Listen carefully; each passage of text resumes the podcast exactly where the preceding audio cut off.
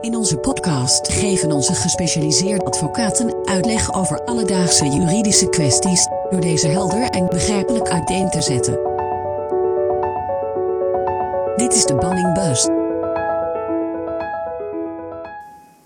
Welkom bij een gloednieuwe podcast-uitzending van Banning Advocaten. Dit is de Banning Bus. Mijn naam is Marjolein Hees, advocaat en partner bij Banning Advocaten en gespecialiseerd in het erfrecht. In deze podcast behandel ik een aantal erfrechtelijke stellingen. En ik doe dat gelukkig niet alleen, maar met mijn collega en kantoorgenote Rianne Verlijsdonk. Rianne, welkom. Dank. Rian, net als ik hou jij je in de praktijk eh, bezig met het erfrecht, onder andere met het erfrecht. Uh, en je hebt ook de specialisatieopleiding met goed gevolg afgerond. Kan je het kort aangeven waarom het erfrecht jou interesseert? Dat kan ik zeker. Ik heb uh, een jaar of tien eigenlijk alleen maar persoon- en familierecht gedaan. Dus veel e- echtscheidingen, omgangszaken, hè? je kent het wel. Mm -hmm. En ik was eigenlijk toe in iets extra's. En um, ja, de, de, combinatie familierecht-erfrecht is erg voor de hand liggend. Althans, niet per se erg voor de hand liggend, maar dat zie je wel vaker. Zeker. Um, dus toen dacht ik, hmm, daar zit wel wat in. Ik uh, ga die specialisatieopleiding doen. En hoe meer ik ermee bezig was, hoe leuker ik het vond. Uh, en zoals je zelf ook weet, het is erg complex. En hoe, hoe complexer, des te leuker.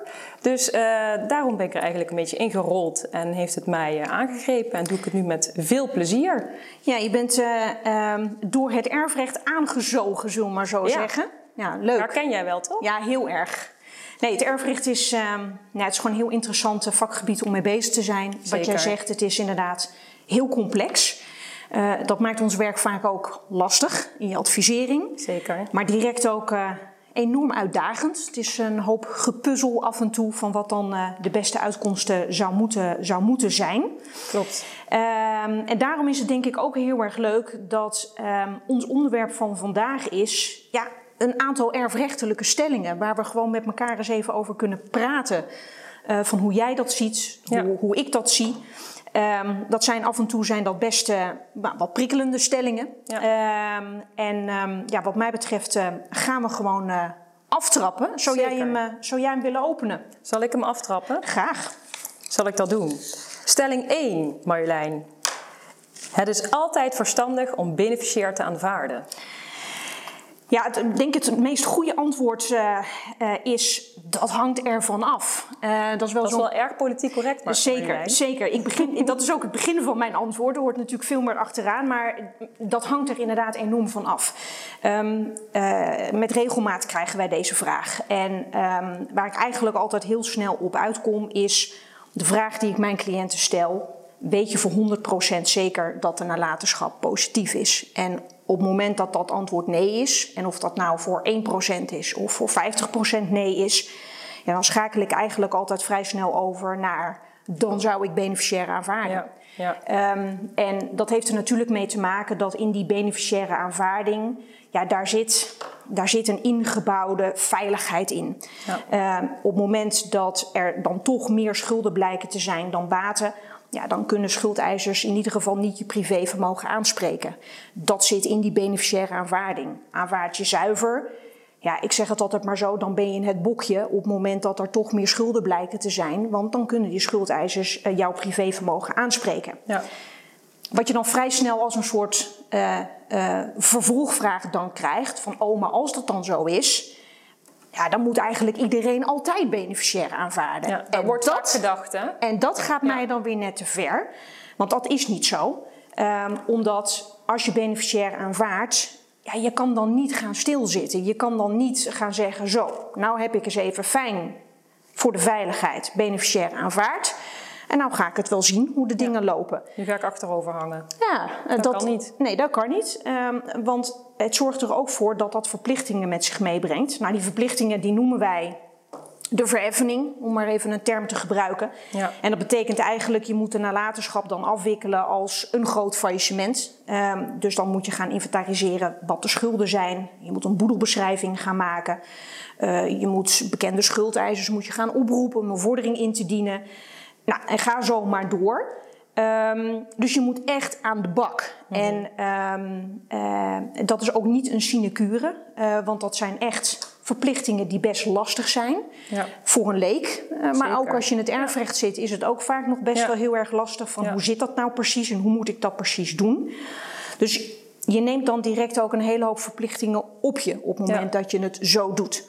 Heb je vaak een stukje hulp bij nodig van een professional, denk aan een notaris of een in het erfrecht eh, gespecialiseerde advocaat. Ehm, en het punt wat ik eh, daar nog bij wil maken is van stel dat je dan toch gaat stilzitten terwijl je die verplichtingen hebt. Ehm, wat veel mensen vaak ook vergeten is dat ja, ons wetboek eh, ook een sanctiebepaling kent. Op het moment dat jij namelijk moet vereffenen en je schiet daarin toerekenbaar tekort, maar weer even een juridische Ja. term. Maar je doet, het, niet- ja, je doet het niet goed, dek niet de lading. Het gaat veel verder dan dat. Je moet, je moet dus echt tekortschieten en het moet jou ook toe te rekenen zijn. Ja, dan zou in het ergste geval, eh, zou je dan alsnog met je privévermogen aangesproken kunnen worden voor betalen van die schulden. Nou, Ja. dat, dat gaat Moet je best het wel wel ver. vrij bond maken, toch? Ja, eh, eh, wat dat betreft, het is niet automatisch zo. Ik noem maar even wat. Als je twee maanden niks doet, dan je dan direct die sanctiebepaling aan je broek krijgt. Zo is het wel zeker niet. zijn. Absoluut. Hè, maar het is altijd wel goed om te weten en dat mensen zich daar bewust van zijn van prima als je zo aanvaardt, maar daar horen wel een aantal verplichtingen eh, bij. Ja. Een ander punt wat ik, wat ik ten aanzien van deze stelling nog zou willen maken, is, eh, is, is dit. Op het moment dat je voor kiest om bijvoorbeeld wel zuiver te aanvaarden, eh, ook al weet je het misschien voor 100% niet zeker, of, of misschien denk je het wel voor 100% zeker te weten. Ja, dat dat kan natuurlijk ook een goede zijn. Hè? Ja. Je denkt het allemaal te weten. Ja. Wat denk ik wel goed daarbij te vermelden is, is dat onze wetgever heeft bedacht. ehm, je bent erfgenaam, je moet een keuze maken. Daar heb je ook de tijd voor. In beginsel heb je ook een termijn van beraad. En die termijn die kan je ook en moet je ook goed gebruiken om ervoor te zorgen: heb ik voldoende inzicht in Ja. de omvang van die boedel? Ja. Er zit een bepaalde onderzoeksplicht zit daarin gebakken. In de financiën en in de administratie van de overledene. Kijk, en op het moment dat je echt dat onderzoek hebt gedaan en je hebt niks kunnen vinden, waardoor die boedel eigenlijk onder water staat, Ja. en je aanvaardt dan zuiver, en zou dan daarna als een soort konijn uit de hoge hoed toch nog een een of andere schuld eh, kunnen komen, ja, dan zou je onder bijzondere omstandigheden zou je alsnog toestemming kunnen vragen aan de rechter om beneficiair te aanvaarden. ja. Dat is sinds kort veranderd, toch? Na de, de, de, de spelregels, als je kijkt naar de jurisprudentie, die zijn wel wat veranderd in de, in de loop der tijd. Ehm, eh, maar wat, wat wel gewoon echt is blijven staan, is ook in dat geval. Je kan niet op je lauweren gaan rusten en zeggen van, oh, nou ja, maar ik dacht dat het positief was. je, ja, daar kan je niet achter verschuilen. Nee, je, nee. Moet, je moet ook op dat, in dat opzicht moet je aan de bak. En, en zul je dan in ieder geval een eh, bepaalde mate van eh, Ja. onderzoek moeten hebben gedaan. Ja, dus terugkomend op jouw stelling. Ja, ik, eh, mijn antwoord het is en blijft nog steeds... dat hangt er dus heel erg vanaf. En ja, laat je dan ook op dit punt als erfgename, zou ik zeggen... gewoon ook goed voorlichten voordat je die keuze maakt. Ja. Want die keuze die staat. In beginsel staat die keuze. Los even van de uitzondering die ik net noemde. Je keuze is onherroepelijk. Daarmee moet je het doen. Hè, Dus maak die keuze op een verstandige manier. Dat zou eigenlijk mijn, eh, mijn Ja. advies zijn. Ja, en wat natuurlijk ook belangrijk is, is dat je hem niet meteen hoeft te maken, die keuze. Hè? Je hebt natuurlijk, Zeker. dat zei je al, hè, dat recht van beraad. Zeker. Ehm, dus dat is sowieso drie maanden. Zeker. Kun je ook verlengen. Dus het is ook niet dat je meteen in die rollercoaster van als er iemand overleden is, dat je meteen in actie moet komen. Maar je hebt nog wel even om gewoon rustig na te denken, wat dingen uit te zoeken. eh, en dan pas een keuze te maken natuurlijk. daar is het natuurlijk in feite ook voor bedoeld. Hè? Dat, je, dat je inderdaad eh, ja, een weloverwogen keuze kan maken. En, en, en dat daar op een bepaalde manier een bepaald onderzoek van je wordt verlangd. eh, en dat je die tijd ook mag nemen. Ehm, ja, dat, dat, dat is een feit. En dat vergeten ook wel eens mensen. Ja. Die gaan dan inderdaad vrij snel al eh, eh, een keuze maken. En misschien soms net even te snel. Ja. Of ze Eh, gaan al handelen, hè? Alsof, ze, alsof ze een keuze maken. Eh, zeker, daar, daar zou je nog een, denk ik een hele andere Daar stelling... kunnen we het ook heel lang over Ja, hebben daar, daar, natuurlijk. daar zou je denk ik nog een hele mooie stelling eh, ook, van, ook van kunnen maken. Van goh, hè, wanneer, wanneer aanvaard je nou zuiver? Mhm. Ehm, moeten we eigenlijk denk ik een, een heel klein stapje even terug. Kijk, beneficiaire aanvaarding, dat, zegt, dat zegt de wet. Dat moet je doen door middel van een schriftelijke verklaring. En die moet worden ingeschreven in het boedelregister. dan heb je beneficiair aanvaard. Geldt Ja. trouwens ook voor verwerping, andere keus. Maar als je zuiver aanvaardt, dan is dat allemaal in die zin niet nodig. Want je kan ook zuiver aanvaarden door je nou ja, op een bepaalde manier te Ja. gedragen ten opzichte van de boedel, Ja. van de nalatenschap. Ehm, en daar vind ik wel ehm, eh, een interessante draai terug in, in de jurisprudentie van de afgelopen jaren. Voorheen was dat allemaal eh, vrij rigide. Hè, en, werd, en werd eigenlijk al vrij snel gezegd. Hè, op het moment dat je bijvoorbeeld een kopje en een schoteltje uit de woning meenam naar eigen huis. Dat je je toen al hebt gedragen als een eigenaar van Ja. de nalatenschap. Ja. En dat je daardoor al zuiver hebt aanvaard. Ja. Nou, die tijden zijn echt wel voorbij. Eh, en ik denk ook wel terecht. eh, omdat het er nu eigenlijk allemaal om gaat. Bij wat je doet, benadel je daarmee de schuldeisers? Dat is Ja. de vraag. En als Ja. jij een kopje en een schoteltje meeneemt... van, Dat nul en, gene, hè? van Ja. nul en geen waarde... benadel je dan de schuldeisers? Nee, natuurlijk niet. Nee. Dus daar, daar zit denk ik wel een hele goede wijziging in... als we kijken naar de, naar de jurisprudentie. Maar daar zouden we inderdaad zeker nog een... ehm, eh, een, eh, een, een dag over kunnen eh, volpraten. Ehm, Laten we dat niet doen. nee, laten we dat niet doen. Wat wel door mijn hoofd schiet is, is natuurlijk het bekende koperen panarrest op, op, op dit punt. Maar goed, misschien even voor de tijd moeten we dat maar heel even, heel even laten. Wat denk ik in ieder geval daarvan de boodschap is, is eh, ook in dat opzicht, voordat je een keuze maakt, maar ook bevoor, voordat je bijvoorbeeld handelt ten opzichte van de nalatenschap, dat je goed weet bij wat je doet, wat betekent dit? Dat Ja. is denk ik de boodschap eh, Ja. voor vandaag. Goeie. Eh, eh, omdat ook je handelen ja, kan, kan, kan op een bepaalde manier worden uitgelegd. En wat je naar mijn idee wil voorkomen, is dat uit jouw handelen een bepaalde keuze wordt afgeleid. Terwijl je misschien helemaal niet bewust die keuze nog, eh, nog hebt gemaakt. Klopt. Leuke stelling, Rian. Ja, hè? Ehm, Volgende. zullen we doorgaan naar de volgende? Ja hoor, goed plan. Ehm, even kijken. Ehm, stelling nummer twee. De langslevende ouder mag de nalatenschap van de eerder overleden eh, ouder helemaal opmaken. Goeie stelling. Dank. Dat komt natuurlijk ook al vaker voor in onze praktijk, hè? dat mensen zich daar zorgen Zeker. over maken. Ehm, nou, dat is natuurlijk vooral aan de orde als er sprake is van een wettelijke verdeling of een ouderlijke moederverdeling. De, de oude, en- de oude variant nog, hè? De oude variant, inderdaad. Eh, hè, als kind heb je dan een vordering op de langslevende. Dat wordt ook wel het kindsdeel genoemd hè, in de volksmond. En die vordering die is pas opeisbaar als de langslevende komt te overlijden. Nou, dus als kinderen moet je dan afwachten tot het beide ouders zijn overleden om aanspraak te maken op je erfdeel. Meestal levert dat eigenlijk geen probleem op, hè? maar wat nu als die langslevende allemaal schenkingen gaat doen? Dan wordt het toch een ander verhaal. Bijvoorbeeld aan een van de kinderen. Dat is natuurlijk vooral de situatie waar het dan eh, moeilijk wordt. En aan een ander kind bijvoorbeeld niet. Ja, ja, klopt. Ehm, nou, dus dan komt inderdaad die vraag op van, nou, kan ik iets doen tegen, tussen aanhalingstekens, eh, de langslevende ouder?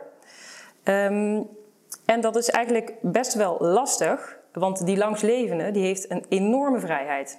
En die gaat behoorlijk ver. Want het hele idee achter die wettelijke verdeling en die ouderlijke boedelverdeling is dat die langslevende juist vrij mag beschikken over het ge- geërfde vermogen. Zij mag in principe mag hij gewoon alles gebruiken. Het huis en de auto. Ook mag hij gewoon uitgaven doen van de bankrekeningen. Hij mag dingen verkopen, schenkingen doen. Hij mag gewoon heel erg veel. En daarover is hij ook geen verantwoording verschuldigd aan de kinderen. Mag hij gewoon allemaal zelf weten. Maar toch zijn er twee beperkingen. En dat zijn de leerstukken de Pauliana, om alweer een eh, mooie term erin te gooien. Zeker. En misbruik van bevoegdheid. Ehm, hè, op die manier zou je handelingen terug kunnen draaien. En ik zal vooral ingaan op die Pauliana. Ehm, als je dat kan aantonen, dan zou je bijvoorbeeld een schenking of een verkoop die de langslevende heeft verricht, die zou je dan kunnen vernietigen. Ehm, dus als, je dat, hè, als daar een geslaagd beroep op kan worden gedaan, eh, dan kunnen die kinderen dus alsnog een aanspraak maken op, dat, hè, op die verkochte spullen of op dat geschonken geld. Ehm, die, die Pauliana is er niet zomaar. Eh, daar moet je best wel wat voor doen om dat aan te tonen. Eh, het moet namelijk gaan om een ernstige benadeling. De langslevende moet ook weten of zou moeten weten eh, dat hij de kinderen of één daarvan benadeelt.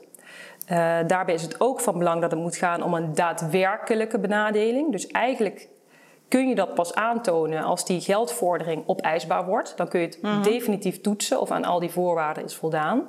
Dus als die langslevende nog in leven is, dan is dat eigenlijk best wel lastig om daar al een beroep op te doen. Nou, de vraag is dan, hoe kom je daar dan achter hè, dat er mogelijk sprake is van zo'n eh, Pauliana? Eh, nou, dat is ook best lastig. Eh, want als je alleen een vermoeden hebt en je stelt dat er mogelijk sprake is van uh, paulanieus handelen, dan is dat niet voldoende om een moeder, of een langslevende bedoel ik eigenlijk, hè, te verplichten om inzage te geven in die financiële situatie. Daar kom je er niet mee. Maar het hoeft ook niet altijd heel lastig. Ja, het is sowieso lastig, maar het is niet altijd heel lastig. Want de wet komt de benadeelde ook wel een stukje tegemoet. Want stel hè, dat je er bij overlijden achter komt dat die langslevende vlak voor zijn overlijden, dus eigenlijk binnen een jaar, hè, ehm, het huis met een marktwaarde van 6 ton bijvoorbeeld voor 2 ton heeft verkocht aan een van de kinderen. Uh, of geschonken, zou ook nog kunnen. Hè? Volgens mij heb jij dat een keer meegemaakt. Ja. Ehm, en dan uh, kun je dus zeggen van nou, hè, die, die, die, die langslevende, uh, die heeft die handeling verricht binnen een jaar voor het overlijden. Dus ik beroep mij op die Pauliana. En is er sprake van een vermoeden. De wet die helpt jou daarbij. Daarnaast heb je ook nog de WOZ-waarde, want je zou bijvoorbeeld kunnen zeggen van nou, hè, die langslevende, als die weet dat de WOZ-waarde 5 ton is en je, je schenkt dat huis of je verkoopt dat huis voor 2 ton, uh, dan zit daar wel een, uh, een benadelingsaspect ja, in. Schenkingselement. Ja. Schenking, Maar- ja. ja. Ehm, dus dan zou je daar wel kunnen komen. Uh, maar als het gaat om bijvoorbeeld beperkte geschenkingen, dus geen huis, maar gewoon een, een geldbedrag en dan geen gigantische geldbedragen, maar gewoon hè, of wekelijks een klein bedrag of een bloemetje of wat dan ook, maar wel aan één van de kinderen en aan de andere kinderen niet, dan is dat voor die andere kinderen natuurlijk heel vervelend. Zeker. Maar juridisch gezien kunnen ze daar vrij weinig mee. Uh, want dan moet je dus kunnen aantonen dat er sprake is van een bewuste benadeling. Ja, en dat is toch uh, lastig aan te tonen. Ja. ja, want als we inderdaad kijken naar, naar, de, nou de Pauliana hè, qua, qua rechtsfiguur. Uh, en als we dat dan even plakken op wat jij net noemde, hè, met de wettelijke verdeling en de, en de OBV, de ouderlijke Ja. moederverdeling. Dan zijn die vorderingen van die kinderen, die zijn feitelijk een schuld van de langslevende. Ja. En die schuld die kan soms door rente best behoorlijk oplopen Ja, in de loop der zeker, tijd. zeker. Dus als je dan kijkt naar het vermogen van die langslevenden, dan zit daar in ieder geval in die schulden aan de kinderen, die mogelijk alleen maar groter worden. En daartegenover heb je natuurlijk dan in het vermogen van de langslevende de activa zitten. Ja. Eh, en dat is, dat is hè, toch, eh, corrigeer me als ik het verkeerd zeg, de kern van de Pauliana. Dat op het moment dat je uit de activa bijvoorbeeld schenkingen doet, aan de een wel, aan het ene kind wel, aan de ander niet. Waardoor je eigenlijk de activa aan het verminderen bent. ja. Waardoor eigenlijk ook die schulden die er ook in zitten vanuit de kinderen. ehm, voorzienbaar straks niet meer betaald kunnen worden. En dan ben je eigenlijk je vermogen aan het uitrollen. Dat is in de kern natuurlijk wat de Pauliana Ja. inhoudt en wat Ja. de Pauliana wil voorkomen. Dat jij niet, nou ja, je geld eigenlijk aan het wegschenken bent in de wetenschap van, dan kan ik straks mijn schuldeisers niet meer betalen. Daar, daar is hij eigenlijk op gericht. Zeker. Een vorm van bescherming eigenlijk. Hè? Ehm, Ja, er zit een vorm van besche- en eigenlijk een vorm van schuldeisersbescherming Ja. zit daarin. Ja. Ehm, hè, je ziet hem bijvoorbeeld in, in het faillissementsrecht, kom je Ja, hem eh, best, klopt. ook vaak, eh, best ook vaak zeker. tegen. Ehm, ik ben het helemaal met je eens dat die Pauliana tijdens het leven van de, eh, eh, van de langslevende eh, heel erg lastig eh, rond te krijgen is. Ja. En dan begint het inderdaad allemaal met. Hoe kom ik er überhaupt achter dat, ik noem even wat, mijn moeder, met wie ik misschien niet zo'n goede verstandhouding heb, schenkingen aan het doen is aan mijn broer en aan mijn zus? Hoe kom ik daarachter? Want daar begint het mee. Mhm. Ja. Wat je terecht zegt, vermoeden is niet voldoende. Je, daar begint het mee. Je moet iets van tastbaar eh, Ja, bewijs zeker. hebben van dat die handeling is Ja. verricht. Dus tijdens het leven is het sowieso heel lastig. Ja, is heel lastig. Kijk, wat, ehm, wat, wat door mijn hoofd schiet is. ehm, eh, kijk, je hebt natuurlijk altijd nog de openbare registers die je kan raadplegen. Ik haak in op het voorbeeld wat jij noemt. Stel, eh, een langslevende heeft een woning. En die schenkt die woning aan een van de kinderen. Ehm, dan gaat de woning in eigendomsoverdracht, of een eigendom over, zo moet ik het zeggen. Eh, en eh, dat is ook iets wat ingeschreven moet worden in het kadaster. Is een Ja. openbaar register. Ja. Kan je raadplegen. Ja. Hè, een kind zou bijvoorbeeld aan de hand van die gegevens kunnen zeggen: hé, hey, kijk, ik zie dat mijn moeder de woning heeft geschonken. En dat vind ik benadeling. Dus openbare registers, dat kan zeker een haakje zijn. Maar heb je dat niet, ehm, is dan inderdaad die langslevende gehouden om dan maar openheid van zaken te geven? Dat zien we namelijk ook wel eens in de rechtspraak. Dat Ja. je zo'n vordering, eh, dat je dan die ziet, die een kind heeft ingesteld, om maar erachter te komen Ja. of inderdaad die benadeling aan de orde Dus is tijdens het leven bedoel je dan, hè? Tijdens het leven bedoel ik dan. Ehm, en wat je dan inderdaad terecht ziet, is, is zo'n langslevende gehouden om daar informatie over te geven. En ehm, wat je inderdaad terug ziet komen, is dat dat niet het geval is. Eh, inbreuk op de persoonlijke levenssfeer Ja. eh, wordt dan ook wel naar voren gebracht. Klopt. Ehm, dat de langslevende daar op die grond niet toe gehouden is. Dus bij leven ehm, lijkt dit wel een beetje een utopie te zijn. En is dat echt iets wat zal moeten wachten tot na het overlijden? Ja. Zeker ook. Omdat inderdaad, en dan ben ik het ook helemaal met je eens, wordt gezegd... ja, die vordering die is straks bij overlijden van de langslevende pas opeisbaar. En Ja. pas op dat moment kan je ook kijken... wat is dan het vermogen Ja. van de langslevende? Ja, en is er sprake van een daadwerkelijke benadeling. Ja, dat, ja en dan precies... eh, Kun je niet eerder toetsen, hè? Want er Zeker. kan ook nog een of andere loterij gewonnen worden voor eh, overlijden. eh, eens, ja, de, de- het vermogen van iemand die leeft is dynamisch. En Ja. dat, dat is het in feite. dat heb jij wel mooi gezegd, Marjolein. Ja, nee, nou, maar dank je. Nee maar, ehm, nee, maar dat is het natuurlijk wel, want het vermogen fluctueert. zeker. Eh, dus die daadwerkelijke benadeling, wanneer kan je die in de regel pas vaststellen? Op het moment dat de langslevende komt te overlijden. Klopt. Klopt. Dan is die nog steeds lastig, zeg ik er direct even bij. Eh, in, in, de, in de praktijk is die gewoon lastig, met name qua ja, bewijs. Ehm, en uiteraard ook qua informatie wat je naar voren kan brengen. Ehm, eh, ook dit eh, denk ik een, een, een behoorlijk spraakmakende stelling. Zeker. Waar je alle kanten mee uit kan. Ja, ja. Zullen we naar de volgende? Ja, lijkt mij, eh, lijkt mij goed. Dat is er namelijk eentje waar jij een, eh, bij mijn weten wel mening over hebt. Toch? Ehm, ja, eh, de- de- hoe luidt de stelling? Laten we daarmee beginnen. De legitieme portie. Ja. Of die zijn langste tijd gehad heeft. Ja, dat is haast een gewetensvraag, eh, zou, ik, eh, zou ik willen zeggen, Rian. Beetje wel, Ehm, hè? Ja, beetje wel. Kijk, wat in ieder geval een feit is... Ik hou graag van feiten. Feit is, het recht op de legitieme portie staat in onze wet. En misschien heel even voor de luisteraar, wat is dat precies? Eh, en ik eh, probeer het maar even heel kort en bondig samen te vatten. Uit, uiteraard is het vaak veel meer omvattend, maar dan toch even voor het gemak. Een kind die onterfd is, eh, die heeft in ieder geval minimaal recht op geld uit een nalatenschap. Noemen wij de legitieme, de legitieme portie. En de vraag is of dat dan inderdaad zijn langste tijd heeft gehad. Ehm, dat recht dat staat nu eenmaal opgetekend in onze wetboek. Dus dat recht dat is er. Feit is wel, daar is heel recentelijk is daar onderzoek eh, naar gedaan door het Centrum voor Notarieel Recht. Behoorlijk onderzoek ook, hè? En eh, ja, eh, dat is een behoorlijk lijvig rapport. Ik Ja. heb hem hier voor mij liggen. Ehm, er is in ieder geval onderzoek gedaan bij het Nederlands publiek, bij notarissen, bij advocaten en allerlei andere professionals eh, die eh, te maken hebben met het erfrecht. En eigenlijk de uitkomst daarvan is redel- redelijk unaniem. Iedereen zegt eigenlijk, de legitieme zoals we die nu kennen, heeft eigenlijk zijn langste tijd gehad. Ja. Het zou anders moeten, is Ja. de tendens. Ja. Hoe anders? Dat is een groot vraagteken. En ongetwijfeld gaat daar ook nog verder onderzoek naar gedaan worden.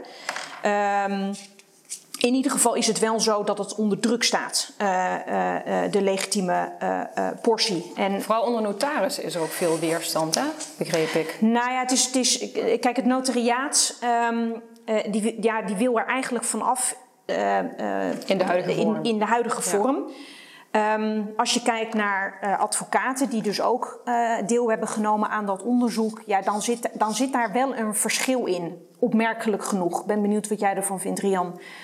Maar ehm, de advocatuur heeft deze vraag gekregen ehm, om te beantwoorden, zowel gewoon als persoon, maar ook als advocaat. En als persoon eh, zegt, ik rond er maar heel even af, zegt ongeveer 63 procent. Het moet anders. Maar als dan de advocatuur wordt bevraagd met, ik noem het maar even op, de pet van advocaat op, dan zegt de advocatuur feitelijk eh, voor pak een beetje 30 procent. ehm, ehm, nee, dat zeg ik verkeerd. Dan zegt de advocatuur feitelijk als professional: ik vind het eigenlijk wel goed wat we Ja. nu hebben. Ja. Ja, het zijn best inter- interessante zaken natuurlijk. Nou ja, kijk, Misschien zit dat er ook eh, deels achter. Eh, ja, of het feit dat als je kijkt naar eh, waar wij ons als advocatuur mee bezighouden, wat zijn, wat zijn nu zeg maar de meeste geschillen die voorkomen? Ja, dan Ja, pak ik er twee uit. legitieme? Dan hebben we het over de verdeling Ja. en dan hebben we het over de legitieme. Ja, zeker. Hè, dus misschien, misschien zit daar een beetje een angst achter van broodroof of iets dergelijks. Nu, nu vul ik heel erg in, want ik weet het simpelweg niet. Ehm, ehm, maar goed, het is wel een hele interessante discussie eh, wat, wat er op dit moment nu speelt. Eh, eh, van moeten we, moeten we toe naar iets anders? Ja. Zoals ik al zei, daar zal nader onderzoek naar gedaan moeten, moeten gaan worden. Er is al wel een klein beetje afgetrapt. ehm, van hoe dat dan mogelijk vorm zou moeten gaan krijgen. Ik, ik denk dat de tijd dat zal gaan leren. Maar ik denk eerlijk gezegd ook dat het nog best wel een tijd zal kunnen gaan duren. Eh, wat ik wel belangrijk vind om in dat kader nog op te merken. eh, kijk, ons huidige erfrecht bestaat nog niet eens zo heel erg lang. 1 januari 2003. Ehm, vanaf dat moment is de legitieme al redelijk drastisch veranderd. Ja. Ehm, en, en, en ook al wel afgeknabbeld. Ehm, waarin nou ja, eh, het onterfd kind eh, vroeger nog onder het oude erfrecht met een beroep op de legitieme opeens dan toch erfgenaam was. En, Ja. en toch opeens wel deel zou nemen aan zeg, de, zeg even de verdeling.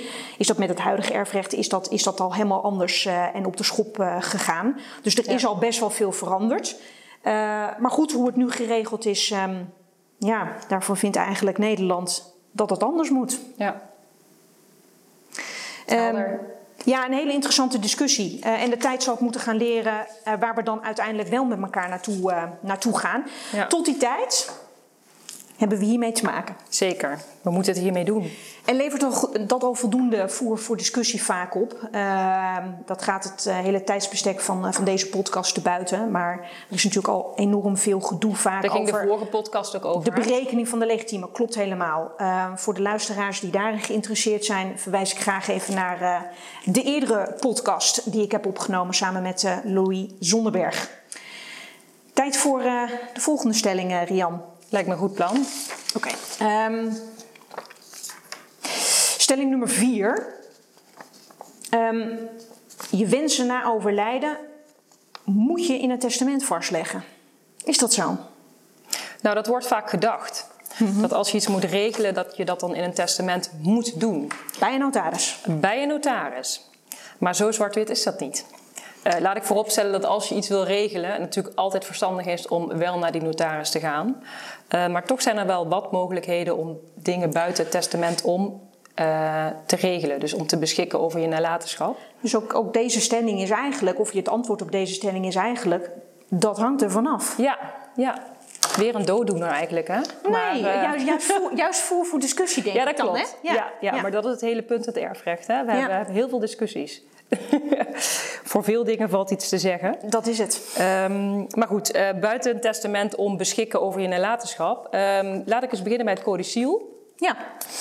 Um, dat is een handgeschreven briefje. Mm -hmm. Er zijn een aantal vereisten. Nou, handgeschreven dus en een briefje. Moet ook een datum opstaan en ja. een handtekening. Mm -hmm. En als het uit meerdere pagina's bestaat, moet je op iedere pagina even een paragrafje zetten.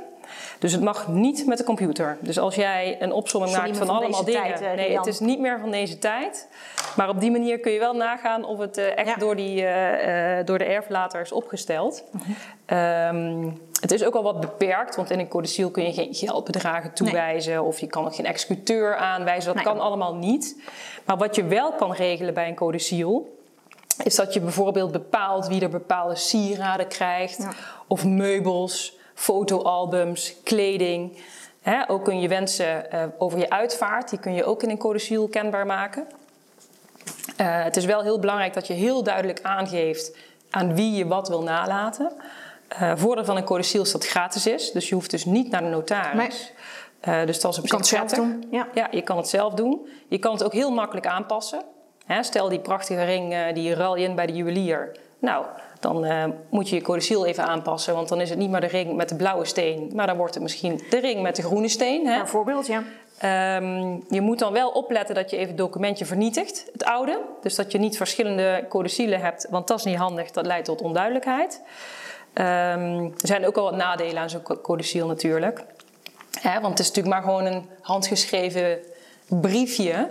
Dus daar kun je kwijtraken. Of erfgenamen weten überhaupt niet dat er een Ja, codicil is. hè? Dat is hem vaak, hè? Van Ja. hoe, hoe weten erfgenamen Ja. dat er een je codicil kunt is? het eigenlijk niet weten. Eh, er zijn wel wat dingen die je kan regelen natuurlijk met zo'n codicil. Maar in principe kun je het niet weten. Eh, wat ook kan, is dat erfgenamen doen alsof er geen codicil is. Want er kan natuurlijk in een codicil staan dat bijvoorbeeld een kennis of een vriendin een eh, prachtig horloge zou moeten krijgen. Eh, maar die kan daar niet achter komen, die, die, die kennis of die vriendin. Want als die erfgenamen het niet zeggen. Hè, stel, er staat niks over die erfgenaam in, de, in dat codicil, maar wel hè, een sieraad hier naar die vriendin, een sieraad daar naar, naar die kennis. Kunnen ze het gewoon weggooien, doorscheuren en de prullenbak mieteren. Ehm, dus dat is niet zo handig. Wat, wat zou je dan kunnen doen? Zou je dan, zou je dan aanraden dat als je een codicil maakt, dat je dat communiceert aan nou ja, je toekomstige erfgenamen? Of dat je dat communiceert aan nou, degene aan wie je bijvoorbeeld de ring met de rode steen nalaat? Of misschien nog wel belangrijker, bijvoorbeeld dat je dat communiceert aan een executeur die je bijvoorbeeld wel hebt benoemd in je testament. Dat is Ja. een leuk bruggetje voor de volgende stelling overigens. Ja. Eh, geen, geen spoilers. maar het is wel belangrijk dus dat je, dat je communiceert Klopt. dat je een codicil hebt Ja, gemaakt. En wat je ook En zou je kunnen doen, liggen. is dat je, dat je het laat hechten aan een testament. Ja. Eh, dus dat je het bij de notaris, hè, dus als je een testament hebt, dat je het daaraan laat hechten. Wat dan wel belangrijk is, is als je dat codicil of als je het testament aanpast, dat je ook even opneemt van nou dat codicil dat blijft in stand. Hè, want je herroept eigenlijk alle andere wilsbeschikkingen. En een codicil is natuurlijk ook een wilsbeschikking. Ja. Eh, dus dan moet je in het testament laten opnemen, nou dat oude codicil blijft in stand. Of je schrijft even een nieuw codicil, dat kan natuurlijk ook. Ja, ja wat, wat, wat mij nog te binnen schiet, wat je natuurlijk eventueel ook kan doen, is dat je hem, als je dat zou willen, laat deponeren bij, bij bijvoorbeeld een notaris. Ehm, dat scheelt hoe dan ook de kosten van het opstellen van het testament. Ja. Mogelijk ben je dan alleen depotkosten verschuldigd. Ja. Ehm, maar wat jij zegt is helemaal waar. Het is o zo belangrijk dat het duidelijk is voor iedereen die nou ja, betrokken is straks bij je nalatenschap, dat je een codicil hebt gemaakt. Ja, Omdat het nergens wordt geregistreerd ja. bijvoorbeeld bij een testament in Nederland, als die wordt gemaakt, dan wordt dat wel geregistreerd hè, bij het Centraal Testamentenregister in. Den Haag. Dus op het moment dat iemand is komen te overlijden, kan je vrij simpel kan je, ehm, eh, dat register raadplegen. En dan komt daar wel uit dat je een testament hebt Ja. gemaakt, wanneer en bij welke notaris. Klopt. Maar daar komt Voor dat een codicil is dat dus niet zo. uit. Ja, Nee, klopt. precies. Dus ehm, ik denk dat dit een hele mooie tool is eh, om heel laagdrempelig over nou ja, hè, bepaalde eh, goederen van je nalatenschap Ja. te beschikken. Ja, en het wordt, wordt ook best veel in de praktijk wordt het, Klopt. wordt het gebruikt. klopt. Ehm de andere waar ik aan denk in dit kader. De, Vertel. De, de, de, stelling, hè, de stelling is: hè, je wensen na overlijden moet je een testament vastleggen. Nou, dat is dus niet zo. Codicil noemde jij nou net. Ehm, waar ik ook aan denk, en, en dat is in ieder geval een bepaalde vorm, noem het dan maar even zo, van toch beschikken over je vermogen na overlijden, is bijvoorbeeld een begunstigingsbepaling Ja. in een sommenverzekering. Ja, ook een goeie. Nou, eh, wat is een sommenverzekering? Dat is een lijfrenteverzekering. Dat is een lijfrenteverzekering of een levensverzekering. Ehm, waar heb ik het dan heel concreet over? Degene die dan overleden is, die moet dan een lijfrente of een levensverzekering hebben afgesloten. Dus die is verzekeringnemer, zoals wij dat dan noemen. Ja, En wat moet hij dan verzekerd hebben? Ja, zijn eigen lijf, zoals dat dan heel netjes overleed, en, eh, eh, heet. En wat dat dan betekent is, op het moment dat dan eh, eh, die persoon overlijdt, dan komt er vaak geld vrij uit Ja. verzekering. En dat geld dat komt dan vrij, ja, ten behoeve van wie? Ja, ten behoeve van de begunstigden. ja. Ehm, eh, dus dat heeft ook te maken met eh, feitelijk een overlijden en waardoor het vermogen vrijkomt en Ja. gaat naar, nou, in dit geval de begunstigde. ja dus niet naar de nalatenschap. Nou ja, dat is een hele interessante. Want ehm, de vraag is heel even: die, die uitkering die dan vrijkomt, ehm, hoe moet je dat dan zien? Is dat dan een uitkering die valt in de nalatenschap, waardoor feitelijk die nalatenschap groter is geworden? Of is dat iets wat helemaal zich voltrekt buiten de nalatenschap om? Ja, Ehm, en ehm, waar ik dan eigenlijk naartoe wil is, ja, dat hangt, komt hij weer, dat hangt er heel erg vanaf hoe de begunstigingsbepaling luidt. Ja. En laat ik dan heel even de uitzondering buiten beschouwing, want die doet zich echt veel minder vaak voor. Maar vaak is het zo dat er gewoon een begunstigingsbepaling is. En dan zie je vaak staan hè, de eerste begunstigde, en als die er niet meer is, dan de tweede en dan de derde. Nou, Vaak in de eerste zit dan een echtgenoot Ja. en of kinderen. Nou, op het moment dat je zo'n concrete begunstigingsbepaling hebt, dan is dat feitelijk vermogen wat dan vrijkomt door het overlijden van de Mhm. overledene. Maar dat is dan geen vermogen wat dan valt in de nalatenschap. Mhm. Nou, dat noemen wij het leerstuk van zelfstandig recht. Mag je wat mij betreft direct vergeten. Ehm, maar dat is dus ook een, een, een vorm van het vrijvallen van het vermogen. Niet op grond van het testament, maar op grond van de begunstigingsbepaling. Ja.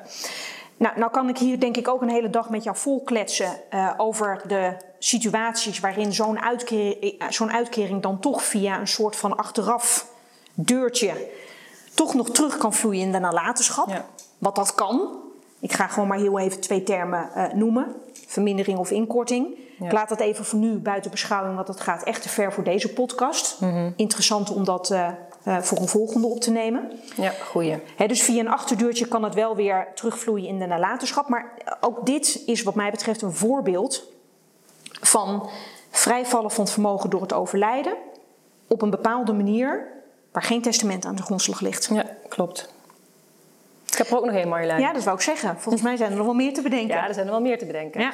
Eh, het verblijvensbeding. Ja. Eh, dat kun je namelijk in een eh, samenlevingsovereenkomst opnemen. Wat, wat, wat is het, Rian? Wat is het? Nou, het is eigenlijk een bepaling waarmee je elkaar als samenwoner wat beter verzorgd achterlaat. Ehm, dus dan, dat doe je dan niet in het, of ja, dat doe je dan als je geen testament hebt je bent niet gehuwd. Ehm, of stel dat is, dat is eh, sorry hoor, ik zeg het even, ik zeg het verkeerd. Ehm, maar stel je doet dat niet in een testament en je bent niet gehuwd, dan kunnen Ja. de wettelijke erfgenamen, die kunnen jou dan eigenlijk gewoon uit het huis zetten. Bijvoorbeeld als je een huis, eh, Als een gemeenschappelijk, huis eh, hebt. gemeenschappelijk Ja, eigendom ja, hebt. Ja, en, en, en, de, eer- en de eerste partner die overlijdt. Ja. ehm, en jij bent geen erfgenaam als partner. Dan valt feitelijk die helft van die partner, die valt dan Valt. feitelijk in de nalatenschap, waar jij dan geen recht op hebt. Klopt. Oké, Klopt. ja. Dus dan zou je, dat is natuurlijk heel vervelend als dat gebeurt, maar dat zou natuurlijk zeker, wel gewoon kunnen gebeuren. Ja. Eh, dat die erfgenamen zoiets hebben van: hé, hey, eh, weg jij uit het huis. Ja, die dan Ehm. aansturen op verdeling van het Ja, huis of, ja, of verkoop is daar klopt. een optie van. Ja, Klopt. Eh, nou, dus dat wil je natuurlijk liever niet. nee, zeker niet. Althans, als je een beetje een fijne relatie hebt, dan zou je dat niet moeten willen. Ehm, nou, en dat geldt dan dus alleen voor gezamenlijke bezittingen. Ja. Eh, dat zei je inderdaad net al eh, terecht. En in dat geval, als je dan dus overlijdt, dan komen die gezamenlijke bezittingen, die komen dan dus toe aan de langslevende. Ehm, Die blijven dan bij de langslevende. Dat is een soort ezelbruggetje die ik altijd daaraan koppel. Als je het hebt over een verblijvingsbeding, wat natuurlijk een, bijzonder, ja, nou, een bijzondere term is binnen het erfrecht. Als je dat dan zou moeten uitleggen, dan zou je eigenlijk moeten zeggen: Nou, neem inderdaad hè, een gemeenschappelijk eigendom, bijvoorbeeld een woning. Die helft van de woning die dan vrijvalt door het overlijden, dat verblijft dan op grond van dat beding bij de ja, achterblijvende ja, partner. ja. Zeg ik dat goed? Ja. En eh, wat, wat wel nog van belang is, dat bijvoorbeeld eh, privébezittingen, Ja. hè, dus stel het is niet gezamenlijk, Ja. maar het gaat om een of andere eh, prachtige antieke kast of Ja. zo, die een van de partner, althans de overleden partner, heeft geërfd of wat dan ook, die dus behoort tot de inboedel, Ja. die dus niet gezamenlijk is, daar moet je dan dus wel een testament voor opmaken. Ja. Want dat valt op grond van het verblijvingsbeding dan dus niet eh, daaronder. Eh, dus dan zouden de erfgenamen wel kunnen zeggen van... hé, die antieke kast, die komen wij, eh, ook al staat die zo prachtig in het Ja. midden van jullie kamer... Ja. die komen wij wel even ophalen. Ja. Eh, dus daar zou je dan wel een testament voor moeten maken. Dus als het gaat om die privébezittingen. En dit, en dit mag gewoon. Je mag, je mag gewoon zo'n beding mag je opnemen in, In de in die samenlevingsovereenkomst. samenlevingsovereenkomst. Het is, Ja. het is niet zo dat wordt gezegd, ja, dat is, dat is niet geldig, dat is nietig, omdat het niet in het testament staat. Nee, dat mag. Nou ja, moet je kijken, dan hebben we eigenlijk al eh, nou, drie voorbeelden eh, te pakken. Ja. Waarin je dan toch eh, over je vermogen kan beschikken na overlijden. Zonder dat er eigenlijk een, een, een, tes- een testament voor nodig is. Ja. ja. Want het wordt vaak heel stellig gezegd, hè, als je iets wil regelen, dan moet Ja. je een testament Ja. opnemen. Maar Ja. zo stellig is het dus allemaal niet. Nee, het is, ja, maar dat, het- dat is ons vak. Het ligt allemaal genuanceerd. Klopt. Eh, het is, het is, bij alles is het eigenlijk zo, ja, maar dat hangt er vanaf wat je wil regelen. Wil Ja. jij alleen inderdaad over je sieraden en je inboedel, wil je daar een regeling voor Ja. treffen, kan je prima met een codicil uit de voeten. Ja, zeker. Dus daar kun je ook heel veel discussies mee voorkomen, hè? Uh, nou ja, in ieder geval denk ik wat de boodschap uh, zou moeten zijn is... Uh, ja, denk na over je eigen overlijden. Ja. En dan met name uiteraard ook over wat wil je dat daarmee gebeurt. Ja. En ehm, hoe kan ik het zo goed mogelijk regelen? En welke vorm past dan bij mij? Ja. Kan ik dan gebruik maken van een codiciel? Of past mij toch beter dat ik naar een notaris ga? Ja. Uh, en, en dat ik daar inderdaad veel uitgebreider iets over regel. Dus ook, ook hiervoor geldt weer, ja, denk erover na en laat je goed voorlichten. Ja. Ik denk dat dat hem, uh, ik denk dat dat hem is. Ik denk dat wij uh, toe zijn aan onze um, vijfde en laatste stelling van vandaag. En ik dacht dat ik weer aan de beurt was. Ja, Of ik zal, niet? hem, eh, zal ik hem aftrappen dan? Nee, jij bent aan de beurt. Ik zie hem staan. Ja. Ik uh, trap hem af. ja. Ehm, de laatste stelling, Marjolein. Je doet er goed aan om een executeur en of afwikkelingsbewindvoerder te benoemen. Ja, en dan moeten we eigenlijk eerst uh, met elkaar gaan kijken van wat is dat dan precies. Um, ik vind het eigenlijk wel mooi uitgelegd in de praktijk. Is dat je eigenlijk moet gaan beredeneren vanuit de positie van de executeur. Um, en je hoort dan wel eens dat wordt gezegd, dan heb je drie varianten. De sterrenvariant. Je hebt Ja. een executeur met één ster, twee sterren en drie sterren. Ja. Ehm, ehm, begin ik maar heel even bij de eerste. Executeur met één ster. Dat is een executeur die feitelijk eh, alleen bevoegd is om de uitvaart te regelen. Ja. En op het moment dat de uitvaart is geregeld, dan is die executeur klaar. ja, dat is vrij beperkt, hè? Heel beperkt. Ja. En dat kan heel goed bij je passen. Ook Ja. hier hangt het hangt er heel erg vanaf van wat zijn je wensen. Ja. De executeur met twee sterren, ja, die komt het meeste voor. En dat, dat noemen wij de zogeheten beheerexecuteur. En dat is de executeur die feitelijk ja, de nalatenschap moet beheren. Op, Ja. op de winkel passen, zeg ik eigenlijk altijd maar. Ja. En moet gaan inventariseren. Welke schulden van de nalatenschap zijn er? Die moeten ook allemaal betaald worden. Ja. Eh, dat moet natuurlijk ook allemaal kunnen vanuit de activa. En op het moment dat die schulden betaald zijn, ja, dan is in feite eh, eh, die executeur ook klaar. Ja. En dan heb je de derde en de laatste, ehm, eh, de executeur met de drie sterren. Nou, en die wordt ook wel genoemd executeur afwikkelingsbewindvoerder. Ja. Dus dat is een executeur die net even wat meer mag dan die beheerexecuteur die ik net noemde. En Ja. wat dat meer is, Drie sterren heeft hij. de drie sterren. En wat dat meer is, wat die dan mag, of zij mag. eh, ja, dat hangt, dat hangt dus af van wat je in je testament daarover bepaalt. Want ehm, heel veel in het erfrecht is toch van regelend recht. En je kan zelf in je testament uitmaken. ehm, wat mag deze afwikkelingsbewindvoerder? En dan ga ik maar heel even naar het uiteinde van het spectrum. Je kan de afwikkelingsbewindvoerder de maximale bevoegdheden toekennen.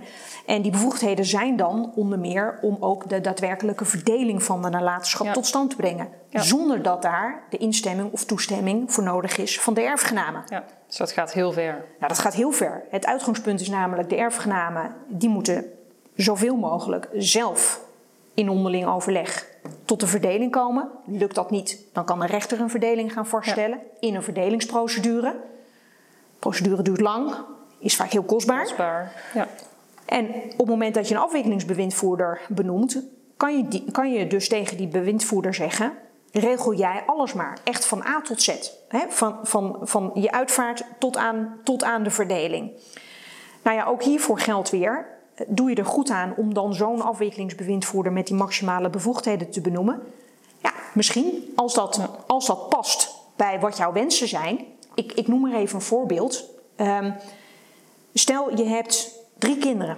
Stel je weet die drie kinderen die kunnen niet goed met elkaar overleg. En je benoemt die drie kinderen tot erfgenamen. Nou, dan kan je op zichzelf genomen al een klein beetje aanvoelen dat het waarschijnlijk best lastig zal zijn dat die drie erfgenamen onderling samen tot een verdeling komen. Ja. En dan is het voorland van die erfgenamen dat ze waarschijnlijk die langdurige en kostbare verdelingsprocedure moeten starten waar ik het net over had. Ja. Wil je dat voorkomen, kan je bijvoorbeeld denken aan benoeming van een afwikkelingsbewindvoerder met maximale bevoegdheden. Ja. En dat mag iedereen zijn die je maar wil. Dat kan een van de kinderen zijn, maar dat mag bijvoorbeeld ook een derde zijn. Bijvoorbeeld, ik noem er even wat, want het is niet beperkt. Wellicht een notaris, of de accountant, of de boekhouder, Ja. of een goede vriend. Ja. Ehm, in ieder geval, want dat is het hele idee, een vertrouwenspersoon van de overledene. Uh, want die vertrouw je feitelijk de afwikkeling van de boedel uh, uh, toe.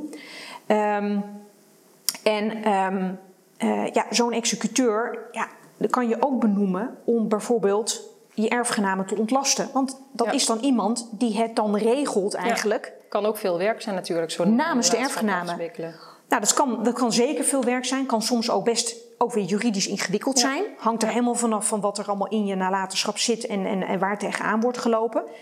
Ehm, maar benoeming van zo'n executeur kan, kan ook gewoon ontzorgen, letterlijk. Eh, en eh, als dat iemand is in wie je vertrouwen hebt, die dat op een goede manier, adequate manier doet, dan kan daar zeker toegevoegde waarde zijn om in ieder geval een executeur te benoemen. En of je dat dan doet met 1, 2 of 3 sterren, dat hangt dan helemaal af eh, van waar je wensen naar, ehm, naar uitgaan.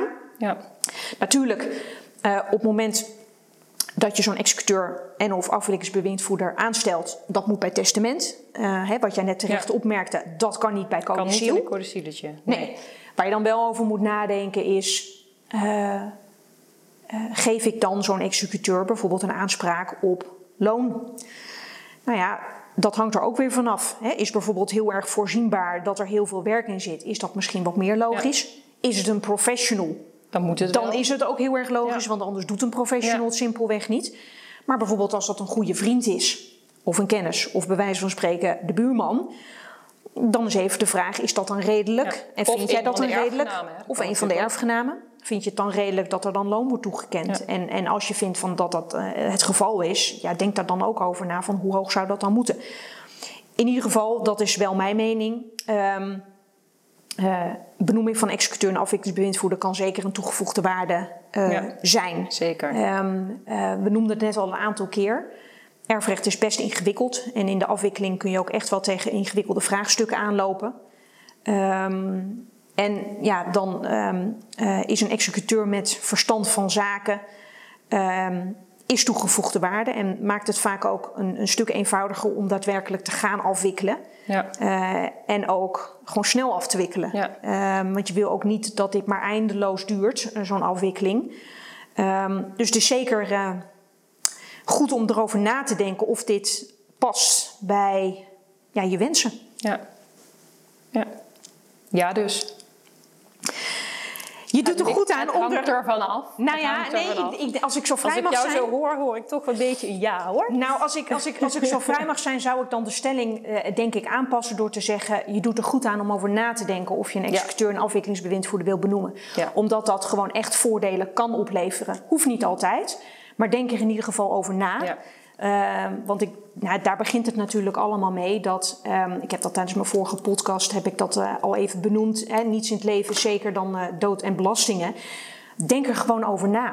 Ehm, van wat je wil eh, dat er gaat gebeuren met je, met je nalatenschap op het moment dat je komt te overlijden. Ja. En hoe je dat dan wil inrichten en Ja. hoe dat dan op de beste manier kan. Ja. ik, ik- ja, ik ben ervan overtuigd dat, dat iedereen dat zou moeten doen.